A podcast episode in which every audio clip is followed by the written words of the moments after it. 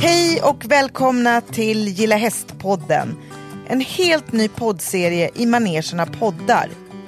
I Gilla Hästpodden vill vi sänka trösklarna till stallet och dela magiska möten där hästar gör skillnad. Right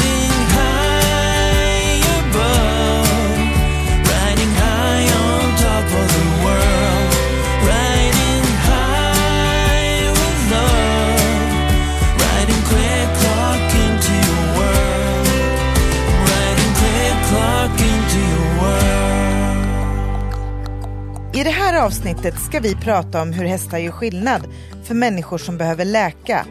Var sår sitter på insidan snarare än på utsidan och som med hjälp av hästar hittar tillbaka till livet och glädjen. Visste du att varannan svensk kommer någon gång i livet att drabbas av psykisk ohälsa? Att WHO räknar med att psykisk ohälsa kommer att stå för den största sjukdomsbördan i världen år 2030. Att tre av fyra svenskar har psykisk ohälsa i sin närhet. En folkhälsoutmaning av den här magnituden kräver att hela Sverige prioriterar arbetet för psykisk hälsa. Och här kan hästarna bidra och göra skillnad. Fakta och siffror kommer ifrån regeringens strategi inom området psykisk ohälsa. Hej och välkomna till superpremiäravsnittet i Gilla Hästpodden. Det är ju en lite speciell dag för mig och Lisa i och med att vi ska alldeles strax ta emot den första gästen i den här poddserien. Tja Lisa, Hej Malin! hur mår du? Jo men jag mår bra. Det är fredag, vi känner oss förberedda. Vi har läget under kontroll och Liselott Andersson på Humlamaden väntar på oss. Mm. Vi ska ju åka över till hennes gård som ligger i Veberöd, Skåne. Men just i detta nuet är vi på Blädde gård. Som är, ja, det är nästgård kan man säga, där vi har haft förmånen att få låna ett rum och provpoddat. Och nu håller vi på och sjunger upp oss innan vi ska släppa in dagens första gäst. Men innan vi gör det, kan vi bara ta det lite grann tillbaka. Vem är Liselott och vad är Humlamaden? Liselott eh, skulle jag vilja säga är väl en av eh, pionjärerna i Sverige inom det som man brukar kalla för grön rehab eller Eh, skogsbad för den delen om vi ska använda ett eh, annat ord. Hon har för mig varit en stor inspirationskälla och har en fantastisk gård här i Veberöd där hon tar emot eh, patienter som är svårt sjuka och kanske inte har fått den hjälpen eller hittat den hjälpen som de har behövt tidigare. Så tillsammans med sitt team då med hästar och hundar och eh, massa professionella människor så eh, hjälper hon människor att komma vidare i livet. Men det är ju det här Liselott såklart ska få berätta om själv. Ja, och det är ju det här som vi vill på något sätt kanske både förklara och förenkla för andra som inte har varit med om de här magiska mötena med hästar och skogsbadet. Och just skogsbadet hade du en lite rolig berättelse om, om, om det bakom liksom. Ja, men precis. För jag träffade ju faktiskt Liselott när jag gick en utbildning med min hund. För att på Humlamaden så har de även uppfödning av labradoodles. Och eh, håller även utbildningar för att utbilda terapi och skolhundar. Dels som eh, de använder i sin egen verksamhet men också eh, andra människor får komma dit.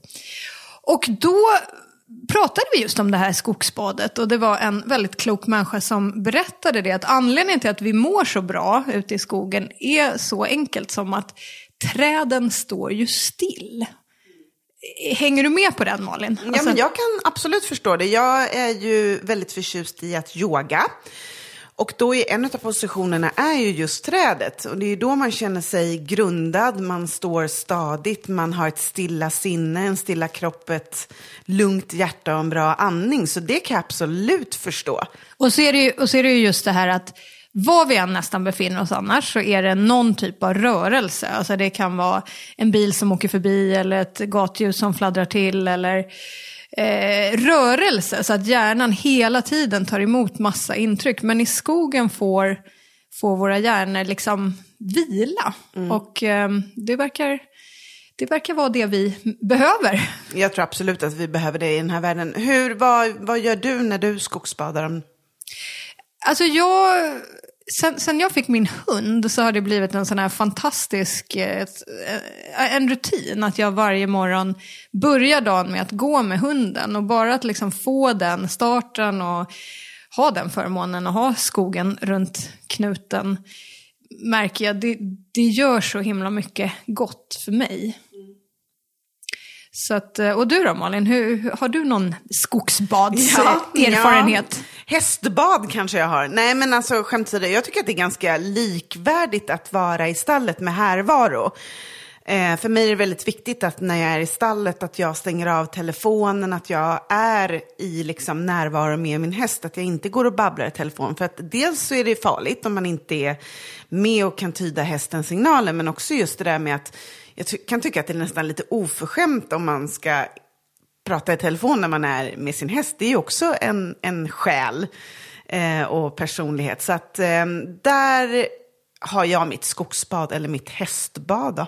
Mm. Och nu ska vi ju alldeles strax eh, ge oss iväg här till Humlamaden och träffa Liselott. Eh, men bara lite kort mer om henne, bara så att om hon själv då kanske glömmer att nämna det för att hon är så eh, härligt ödmjuk som hon är. Men 20 år har Liselott hållit på. Hon har föreläst i Kina och Japan. Hon har haft eh, både kineser och japaner som också har kommit till Humlamaden för att följa hennes verksamhet. Och hon är en av dem i Sverige som faktiskt har lyckats hitta en modell för det här som både är forskningsbaserad, eh, det finns hur mycket evidens som helst och hon har etablerade samarbeten. Hon har liksom fått det här erkännandet från kommunen och barnpsykiatrin. Så att det ska bli otroligt inspirerande tänker jag för många som kanske också är i den här branschen att få höra lite om hennes resa. Ja, och framförallt tänker jag att kanske inspirera de som inte är i denna branschen och få dem att förstå hur pass bra det här är. Och så tänker jag bara så här kort att, ja men om det här är en modell och det är liksom kanske ja, men en svensk modell, vilken, vilken bra export, precis som Liselott redan har gjort, att exportera den här kunskapen och känslan och ta tillvara på hästen och naturen. Det är ju ändå någonstans, ja men det är väl en jättebra affärsidé, tänker jag, som är lite business-tänket där i. Tänker jag också. Ja. Men nu kör vi, nu åker vi till Liselott. Det gör vi, häng med nu.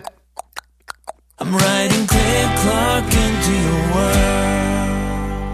Så, då har vi landat på Humlamaden hos Liselott Andersson. Hej Liselott! Hej, välkomna. Tack så jättemycket. Nu sitter vi här i ditt ridhus i de här fantastiskt eh, vackra omgivningarna strax eh, utanför Veberöd, Lunds kommun. Och eh, kan inte du bara börja berätta lite vem, vem du är? Ja, jag heter Liselott Andersson och jag är sjuksköterska med specialistkompetens inom barn och ungdom. Och då är det hela barn och ungdomspsykiatrin också. Jag har de flesta tjänsteåren som 20 år inom regionen som distriktssköterska. Och sen är jag även OHI-certifierad vilket innebär att jag kan använda hästar i min yrkesprofession. Okej, OHI, vad står det för för de som inte vet? Ja, det är Organisationen för hästunderstödda insatser. Eh, och det är då inom vård och skola. Just det. Ja. Spännande. Och Humlamaden då, om vi går över till din verksamhet här. Eh, du nämnde nu när vi kom att du firar 30-årsjubileum i år. Ja, nästa år är det 30 år sedan vi startade. Det är ju helt fantastiskt. Mm. Och hur började den här resan? Det började som en liten ponnyridskola. Eh, för att kunna jobba hemifrån samtidigt eh, när barnen börjar skolan så startade vi en liten ponnyridskola. Eh, men med min, mina kollegor och min bakgrund så kom det ganska många barn med olika diagnoser eller svårigheter. Och, då blev det en inkluderande ridskola för alla barn med eller utan funktionsvariationer. Så det började alltså som en ponnyridskola. Det utvecklades till en väldigt inkluderande ridskola då, som jag förstår det. Och idag, eh, får se om jag uppfattat det här rätt, men idag kan man väl nästan säga att Humlamaden är en eh, internationellt erkänd behandlingsmottagning. Kan man säga så? Ja, det var stora ord. Men vi har, vi har, eh, alltså vi har bara behandling nu, det man säger hästunderstödd terapi. Som grundar sig då på eh, även lika mycket i naturen. Och vi har ju även utbildade hundar som jobbar eh, hos oss och med oss.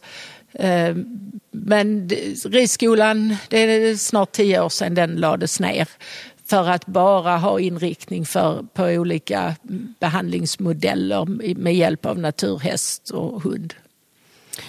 Jag läste faktiskt på er hemsida just det här med men, grön rehab och lite tänkte så här, men här är ju Liselott, hon är ju trendsetter. Hon har ju verkligen tagit de här skogsspaden fast och, och kunna gjort lite intryck eller avtryck eller vad vi nu vill säga. Vad, vad säger du om det? Är du en trendsetter inom det epitetet eller? Jag vet inte, men vi har ju haft skogsbad sedan långt innan vi visste vad det hette. Ja. Ungefär som vi hade inkludering långt innan jag kunde det ordet.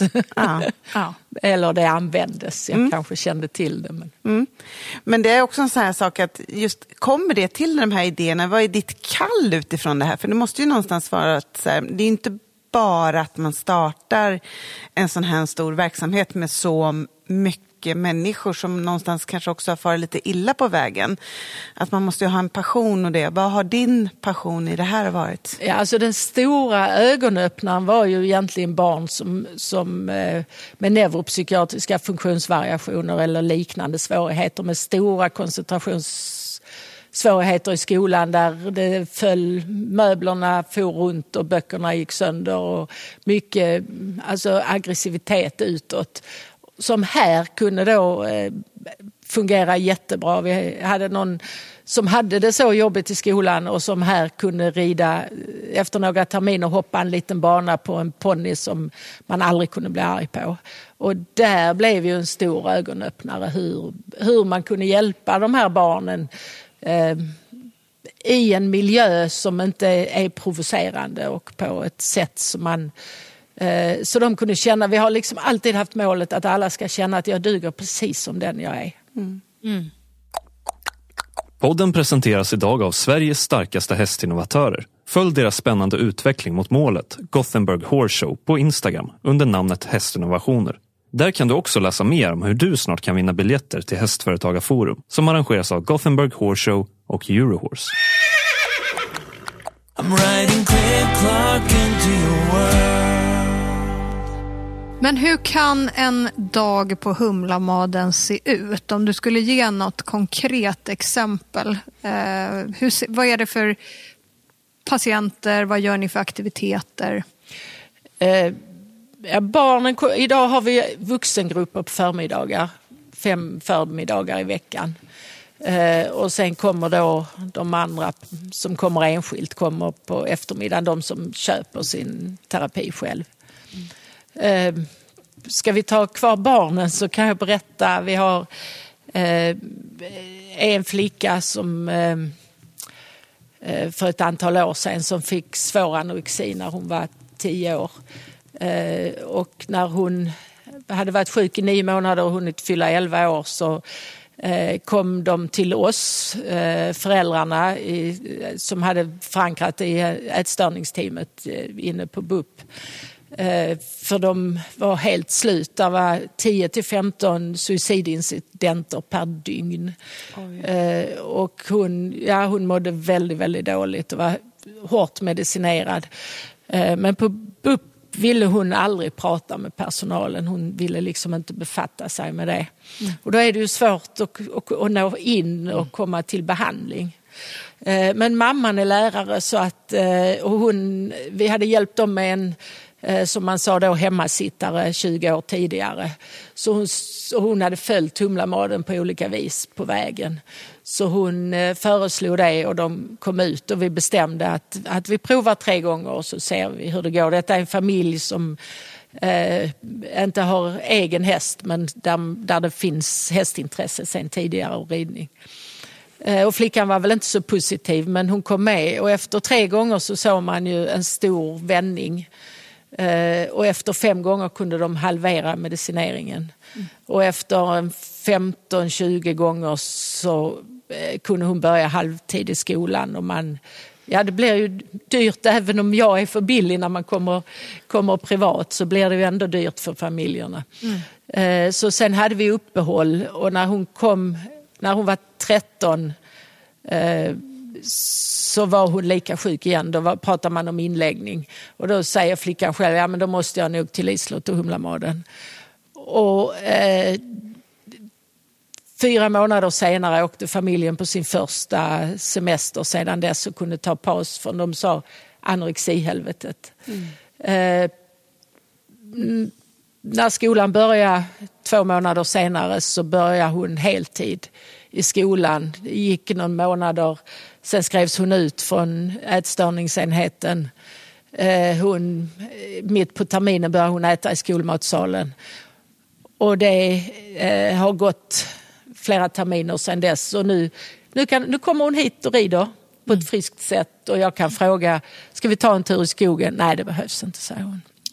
Nej, det är fantastiskt. Och det här är ju bara en av, av många, Ja, många och då, då när hon kommer så kommer hon ju bara för en timme åt gången. Och då, då brukar, vi, brukar de sitta på hästryggen eh, och så leder jag hästen tryggt och lugnt i skritt i naturen.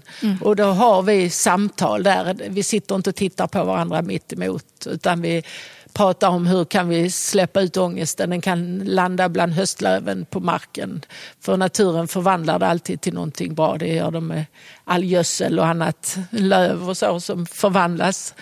Eh, Allt mänskligt avfall. och, eh, ja, och så andas vi in och, och tankar hästkrafter och naturkrafter. Och, Åh, nu får jag så i ögonen på en gång. Åh, det var Ja. fantastiskt. I'm riding Craig Clark into your world. Nu beskrev du ju lite Hur det går till hur det går till. Precis. Eh, för jag vet ju att du har väl utvecklat en speciell modell. Ja, vi kallar det Humlamademodellen. Och, där, och, det, och det, det handlar mycket om att vi människor, vi, hela vår evolution har vi levt i naturen. Och, eh, hästar och hundar har varit våra hjälpare på vägen på väldigt många vis. Och, eh, så det använder vi ju eh, i våra samtal och hur, eh, hur vi kan... Alltså, de här barnen som mår så dåligt, de behöver få lov att känna att vi är inte bara en del av det sociala samhället där vi faktiskt har skolplikt och, och vi måste klara allting. Utan man kan få eh, komma ut i naturen och, och tanka nya krafter och tänka lite utanför den här boxen som man har kört fast i. Mm. Jag tänker också just att när man hör dig berätta om de här sakerna, det är så otroligt enkelt för många läkare eller bara ta till just medicineringen. Istället för att tänka liksom utanför boxen, om vi nu ska använda hästspråk där i också. Och jag känner bara så här, hur, det är ju svårt att prata pengar när vi pratar om människor också, men det du berättar är ju så att det är ganska mycket pengar involverat i det här. Hur kan man få vården att se, alltså förvandla det, förstår du, hur kan man spara på dem, alltså se resurserna kontra pengarna? Alltså detta blir ju en väldigt, väldigt kostnadseffektiv behandling. Och vi människor, vi, vi eh, tillhör ju egentligen djurriket också. Eh, bara det vi har en eh, annan tankehjärna, men väldigt stora delar av vår hjärna delar vi med djurriket. Eh, vilket innebär att all stress eh, kör igång vårt kamp och flykt och fryssystem. Eh, Men vi behöver komma över i lugn och ro-systemet för att läka och återhämta oss. Eh, och det, det är lite grunden i vår, hela vår behandling. Att vi, eh, Eh, att, att, för det är i lugn och ro-systemet som all återhämtning och läkning sker. Mm. Jag är ju, vi pratade om tidigare just i försnacket eller uppsnacket eller vad jag ska kalla det för. Jag håller på med yoga. Och då är det precis som du säger fight and flight och det här med vad är det som skogsbadet gör. Och det är ju det här att träden står stilla och att man blir grundad och man blir, man liksom andas in och man släpper taget och allt det där. Så att jag känner igen mig i det där väldigt, väldigt mycket. Och för mig är ju också hästarna en del av, alltså yoga och hästar är för mig ganska mycket samma sak. Mm. Vi har faktiskt yoga i våra vuxengrupper också. Mm. Till viss. Ja. Men precis, berätta lite om de här vuxengrupperna. För jag var Ja. inne på din eh, hemsida och läste på lite också att, att ni har utvecklat, eh, om man nu får kalla det en modell också för just eh, utmattade. Och den Precis. gruppen växer väl, eller? I... Absolut, så är det. Eh, Vi, vi säger stressrelaterad psykisk ohälsa. Eh, Och den gruppen är stor och alla som går hemma och är sjukskrivna tror ju att det är bara jag som inte klarar och alla andra klarar livet och det bara eh, rullar på. Men eh, eh, jag brukar säga att eliten kommer till oss. Det är de som är plikttrogna, ambitiösa, empatiska människor. Eh, och de flesta har ju varit i arbetslivet i många år. Men vi får ju även de, och det går neråt i åldrarna. Men vi har ju i, i våra grupper som vi har nu, de kommer på remiss från psykiatrin och eh, företagshälsovård. Eh, och det är ju eh, även unga människor som, några har inte orkat med gymnasiet eh, att ta sig igenom och det är ju ofta de som är väldigt, har haft väldigt höga betyg och är ambitiösa och, och eh, vill mycket. Men vi, vi lär inte riktigt ut att vi, eh, vi behöver vår återhämtning. Det, det liksom behöver egentligen läras ut tidigt i skolorna att, att det är jättebra om vi är bra på proven men vi kan inte bara fokusera på det. Vi måste vara rädda om vår hälsa. Eh, Hållbar hälsa är ju eh, alltså, är ju väldigt, väldigt viktigt att vi lär ut att hur, hur kan vi ha hållbar hälsa? Hur gör vi för att inte drabbas av en utmattning? För vi har, alltså man blir ju väldigt sjuk, man blir ju så sjuk som man inte tror att man kan bli av stress. Kan du dela med dig av någon historia där, alltså i den gruppen med utmattade? Ja, alltså vi har, eh, vi har ju många som har fått eh, mycket terapier genom många år. Eh, som kommer hit och säger att ja, detta var den bästa. Eh, och det är väl så när jag har provat mycket som jag inte har orkat ta till mig.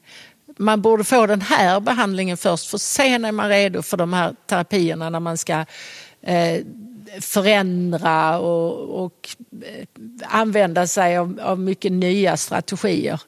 Eh, Men man, man behöver, man kan inte vara helt i stress då. Vi har ju många där det, allting sker i huvudet, man känner knappt kroppen. Eh, Men så, vi, jag brukar berätta ibland om, vi hade en som jobbade inom psykiatrin som drev sig så långt så själv så eh, den personen stod i sin egen trappuppgång och hittade inte hem. Tog, stod där nog en timme innan en granne kom. Och det, det är liksom svårt att ta in att man kan bli så sjuk. Mm. Men hur får man politikerna, hur får man beslutsfattarna och de som ändå... Det är de som bestämmer det här. Liksom. Hur får man dem att lyssna på, på det här sättet att se på saker och ting och ta in det även i skolan och, och så? Ja, vi har ju kämpat med det länge, i väldigt många år.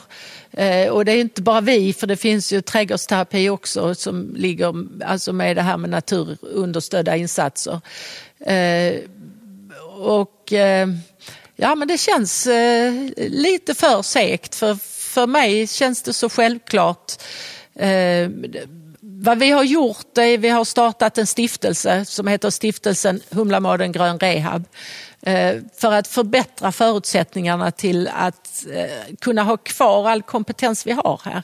Det har ju hänt att vi inte haft några projekt eller upphandlingar så att vi har fått sälja välutbildade hästar för att sen kunna köpa in igen när det kommer och utbilda dem. Men det är inte det som är målet utan vi, likadant med personalen som finns här. Att vi, Eh, vi vill ju ha en långsiktighet för det är ju viktigt. Man kan inte packa ner en gård och bygga upp den igen hur enkelt som helst.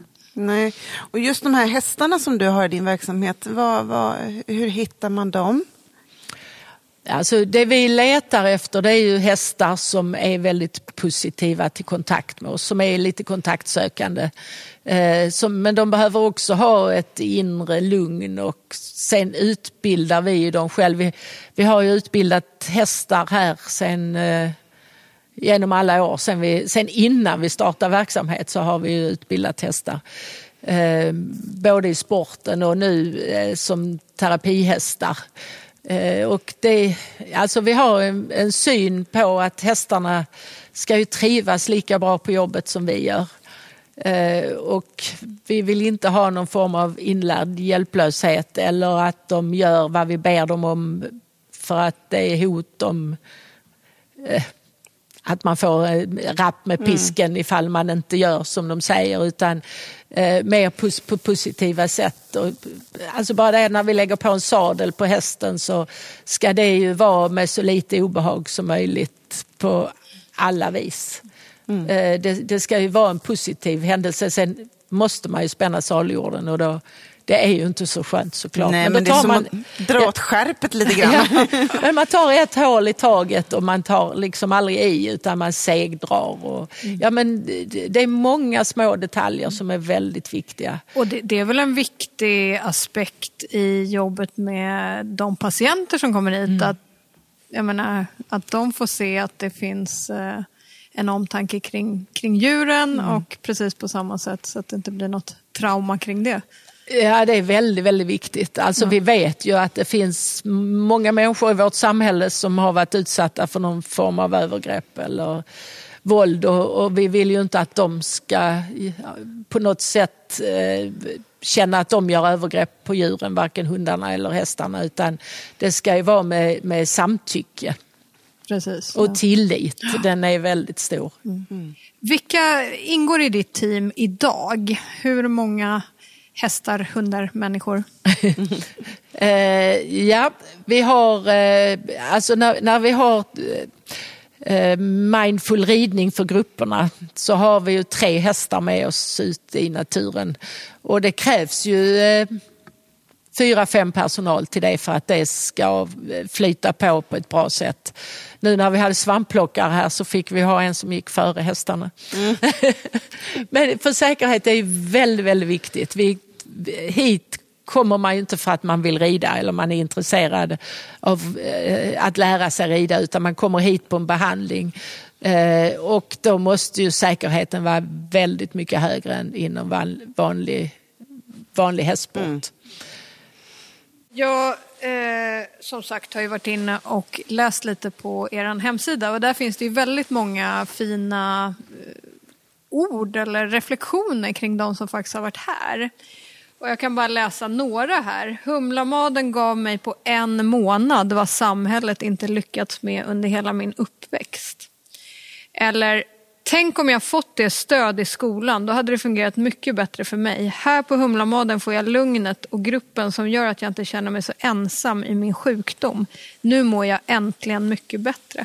Och det här visar ju ändå på att, precis som du nämnde tidigare, att det här kanske är människor som har bollats runt i vården under hela sin uppväxt i princip.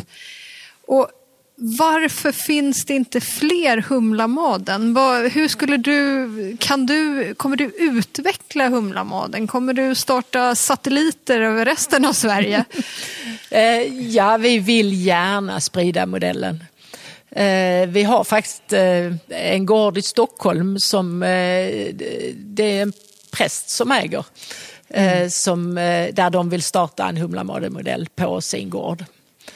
Eh, och eh, jo, det behövs. Det behövs många Humlamadegårdar runt om i, i landet.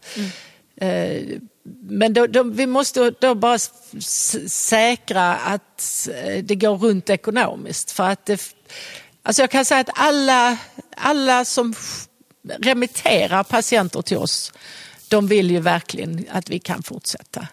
Eh, Så att i vården finns det inga konstigheter utan tvärtom, oh vad bra. Eh, Vad är, vad är det svårigheten då? Vem är det, vad, är det liksom, vad stannar det någonstans? Så det stannar vid, vid lagar och förordningar om upphandlingar. Och, eh, eh, alltså man, man måste göra en tankevurpa och, och inse att vi människor är komplexa varelser. Vi, vi behöver använda våra sinnen. Alltså patienter som kommer hit har inte hört fåglarna på tio år för att man har skyndat sig vidare. Eh, men vi behöver, vi behöver de här stunderna. Vi, det är återhämtningen som saknas i, i det dagliga livet. Att vi inte ger oss tiden till det eller har tiden till det. Nej, Och sen tycker jag det är viktigt, precis som du nämner, just det här med upphandling. Det är inte så att vi liksom pratar om sophämtning. Förstår du? När Nej. någonting är statiskt. Det här är ju faktiskt människor som har eh, gjort karriärer eller som har som sagt var olika eh, problematiker. Liksom. Att, att få dem att få den här chansen känns ju nästan ovärdigt om man inte kan se utöver det. Ja, Alltså patienterna som är här, de, de är ju väldigt, väldigt nöjda. Och känner att äntligen fick jag hjälp och jag kom i läkning. Och om jag, bara, alltså jag, jag vill se liksom stressrelaterad ohälsa, det är ungefär som ett sår fast det sitter på insidan, man ser det inte. Man hade suttit på huden så hade vi förstått att det ska ha, alltså hur vi ger det bästa möjliga läkningsförutsättningar med ett jättebandage till det räcker med ett plåster. Eh, och att vi inte kan tänka oss det eh, läk till imorgon eller helst igår. Eh, men när det sitter på insidan så behöver det lika mycket bästa möjliga läkningsförutsättningar. Ja, det är ingenting man ser utifrån. Det är jätteviktigt den Mm. poängen som du säger. Och få de människor att förstå precis det du beskriver. Jag tycker det var fantastiskt bra beskrivet. Jättebra. Mm. Ja, och, och, och, och det finns, alltså för ofta så säger man ja, men det finns inte tillräckligt med evidens. Jo, men det finns det. Titta runt i världen. Alltså vi, man vet idag att vi... Eh, oxytocinfrisättning till exempel. Oxytocinet sänker eh, våra stresshormoner. Och vi har en svensk forskare som, som är väldigt framstående i oxytocinfrisättningen. Eller som har forskat om oxytocinet, Kerstin Uvnäs Moberg. Och vi har forskningen från Alnarp med Patrik Gran som är professor. De, där finns också en stiftelse som heter Stiftelsen Natur och hälsa som är startad där Patrik Gran är stiftare ihop med eh, Kristina Husmark Persson, före socialförsäkringsministern eh, som vi samverkar då en del med. För de, de vill vara det här eh, hjälparen till alla gårdar runt om i landet som startar då hästunderstödd terapi och trädgårdsterapi. Men det är väldigt, väldigt viktigt i detta också och det är att, att det finns rätt kompetens på gårdarna. Medicinsk naturunderstödd terapi, att, att på gårdarna finns, ska man ha hästar så ska det vara OHI-certifierad personal som har ansvaret och ska det vara med trädgård så, så måste man ha, ha den rätta kompetensen och eh, vårdkompetensen. Alltså under, så, man, så det finns en tillsynsmyndighet. Alltså, vi har ju Socialstyrelsen då eh, i vår legitimation och eh, Skolverket är det väl som har lärarbiten.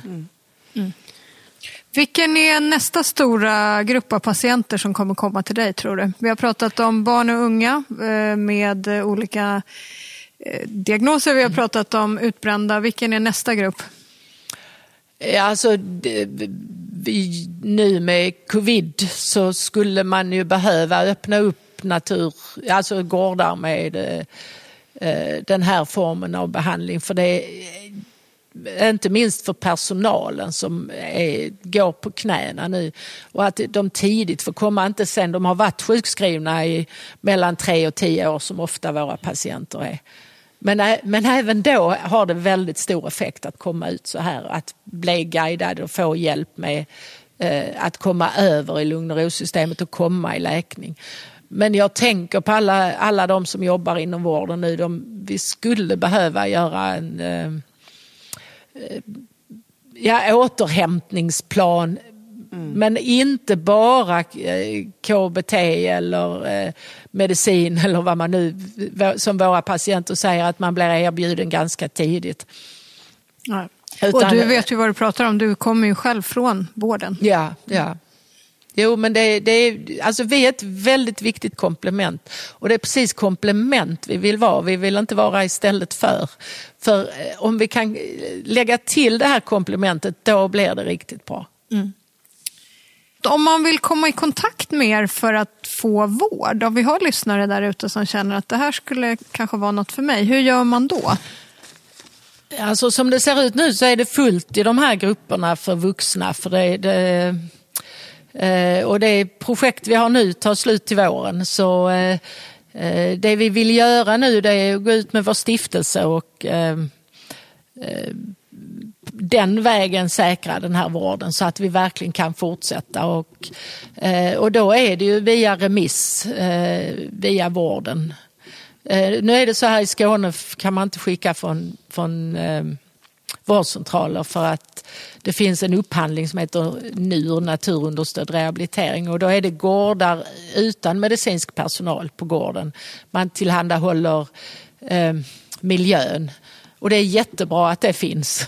Mm. Men eh, för alla de som är lite sjukare så är det väldigt viktigt. Alltså, våra patienter här berättar ju om att det går liksom inte riktigt att jämföra. Jag får ju en helt annan hjälp när jag får Eh, hjälp av utbildad personal på gården. Mm.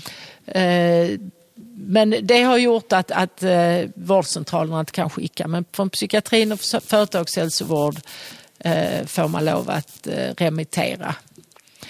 Och har vi bara medel in i stiftelsen eh, så, eh, så vill vi inget hellre än att eh, ta emot patienter och helst utbilda fler eh, som kan öppna sina gårdar och som eh, kan ersätta mig så att jag kan åka runt och hjälpa till att öppna gårdar.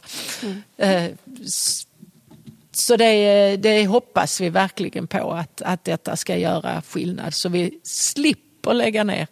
För vi vet inte säkert att barn och ungdomsprojektet blir av men eh, vi hoppas på det. Mm. Det hoppas vi med. Men jag skulle också även där, det här ger ju verkligen eh, en möjlighet för andra att samverka. Jag tänker på, man pratar om levande landsbygd, det finns mycket gårdar där ute.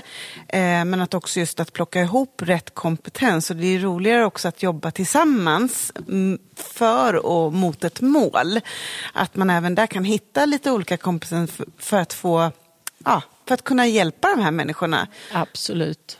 Så där borde ju också även näringslivet se att här finns det ju möjlighet till utveckling, att få in eh, flera jobb, att, att också hålla öppna betesmarker med hästarna och så vidare. Så. Det finns många sidor. Eh, bara, bara det här att eh, en arbetsplats får en chef sjukskriven, för vi har ganska många i den positionen bland våra patienter. Mm. Eh, det kostar miljoner per år. Men är det inte sorgligt att, att det ska krävas att någon blir så pass sjuk innan man, också, innan man kan se att det kostar pengar? Tycker Absolut. jag. Ja, vi skulle helst vilja jobba förebyggande också. Mm. Hur kan man göra det? Att man tar in det tidigare, som du sa, nämnde tidigare, att, att ta in det i skolan och ta in det på, ja. ett, på ett lärande sätt? Så? Ja, alltså vi har ju tänkt på också att bjuda in arbetsplatser och berätta om hur, hur man gör för att inte bli sjuk. Mm. Hur enkelt, naturen är faktiskt gratis och ja. tar man till med hästar så, så eh, plussar man på väldigt mycket. Eh, men eh, det Förebyggande. Det är det vi vill komma med vidare helt enkelt. Mm. Jag såg några såna här fantastiska bilder på er hemsida också med där, eller om det var en liten video till och med, där det låg eh, människor i hängmattor inne i någon sån här ligghall nästan tillsammans mm. med hästar och gunga och en hund i knät. Och, det såg ju helt fantastiskt ja, ut. Vår, vår lille shettis brorsan går in där ibland. Ja. Men annars är det ju en av hästarnas ligghallar som vi har eh, spärrat av. Där har vi faktiskt lagt upp ett tält till hästarna. Så de har, våra hästar på, eh, de har tre ligghallar på eh, åtta hästar nu.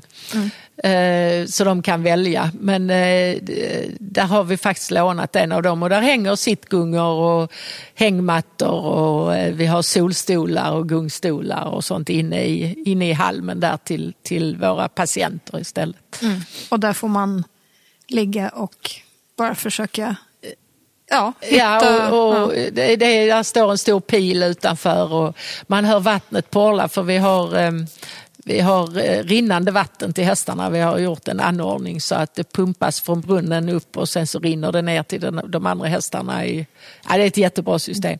Eh, och då hör man hur vattnet porlar också, för vatten är också mm. viktigt. Alltså, I forskning vet man att vi människor har lägst stress i natur där vi känner oss trygga. Mm. Och svensk natur är ju trygg. Vi har ju inga lejon eller något sånt här. Som, mm.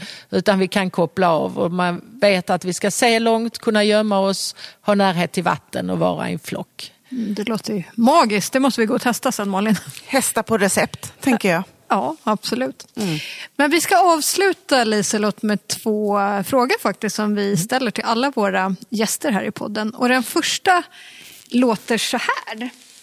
Kan du berätta om ett hästmöte som har gjort skillnad för dig? Liselott, jag vet att det finns många hästmöten som har gjort skillnad för dina patienter, men ett hästmöte som har varit speciellt för dig? Jag tror jag lyfter fram vår Sandy som var vår eh, första, eh, nej det var det inte alls, men ponnyn vi eh, köpte en Dartmoor-ponny till barnen och Alltså det var, vi letade efter ras länge, detta var ju på 90, början på 90-talet. Och eh, när vi hittade henne så var hon ju helt fantastisk. Eh, barnen kunde leka med henne i hagen och ställa henne där, stod hon där och väntade. Och så var hon lika glad när de kom och så satt de upp och så red de en runda och så ställde de henne och så ställde de fram någon koner eller la fram ett hinder och så, oj, nu ska vi rida igen. och det var faktiskt hon som gjorde att vi startade hela vår verksamhet. Och Sandy var inte bara trevlig utan hon var så vacker så hon blev både tvåa och fyra årets ponny de gånger hon var med ända slagna av eh, hingstar. Så hon var så vacker också och fick 44 poäng på utställning. Fint. Wow. Och eh, om du fick skicka ett kort meddelande till våra politiker och beslutsfattare för att fler ska fatta galoppen, som vi gillar att säga, när det kommer till det här just att hästar gör skillnad. Hur skulle det meddelandet låta? Jag skulle vilja att fler lyssnar på vad hästunderstödda insatser verkligen gör. Eh, barn som inte orkar gå till skolan, eh, som vill dra täcket över huvudet, kan man ju inte bara säga att vi måste till skolan. Men man behöver väcka men ny, ge något, skapa nyfikenhet och göra något kul som motiverar. För det, att ha roligt och känna glädje, det är viktigt för att bli motiverad. Och för våra patienter som är sjuka år efter år och tycker att ja, men jag borde ju bara skärpa mig så borde jag väl bli frisk igen. Nej, men kom ut och känn glädje och eh, hitta ro. Eh, det, det, blir ännu viktigare att ha roligt att hitta vägar till glädje när man eh, inte mår bra. Mm. Ja, jag kan bara instämma.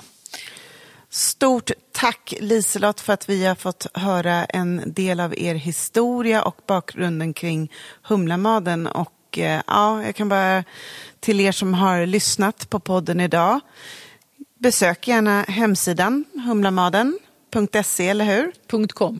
.com, förlåt, .com, där ni kan läsa mer om verksamheten och även vad som händer här ute på gården. Och, ja, otroligt inspirerande. Jag var med mig många historier och många glädjande historier också och hoppas som sagt var att det här kan ge lite inspiration till andra. Tusen tack Liselott. Tack själv. Tack.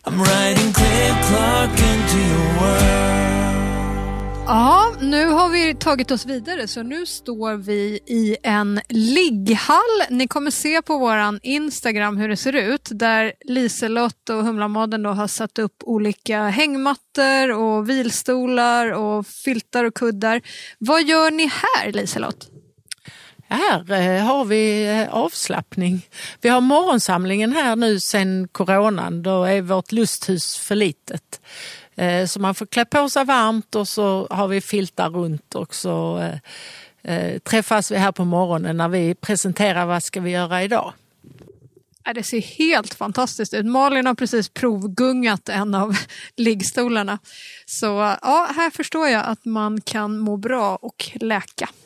Vi erbjuder också våra patienter att sitta inne hos de små ponnyerna som tycker om det här. Eh, när de förstår att tugga hö så kan patienterna sitta nära och lyssna på det här rofyllda tuggandet. Känna i, klappa dem och känna i pälsen. Eh, vi har ju det mycket från den tyska litteraturen att, att eh, när hästar tuggar hö så är det det här rytmiska ljudet precis som i, av navelsträngen när vi ligger av livmodern där det säger psh, psh, psh. Och det är Eh, I den tyska litteraturen säger man att det kommer därifrån, att vi blir väldigt trygga av, av det ljudet. Och alla vi som håller på med hästar vet väl vad härligt det är när vi har utfodrat med hö och alla står rofyllt och tuggar. Och vi står ju här nu Liselott med Robin som har fått lite lunchmat och så får vi höra nu, nu ska vi lyssna när han tuggar. Och det kan man ju hålla med om att det är ganska rofyllt.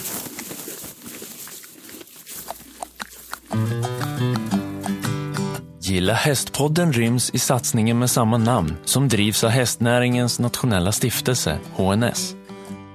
Läs mer på gillahäst.se och följ oss gärna i sociala kanaler. Podden presenteras idag av Sveriges starkaste hästinnovatörer. Följ deras spännande utveckling mot målet, Gothenburg Horse Show, på Instagram under namnet Hästinnovationer. Där kan du också läsa mer om hur du snart kan vinna biljetter till Hästföretagarforum som arrangeras av Gothenburg Horse Show och Eurohorse. Right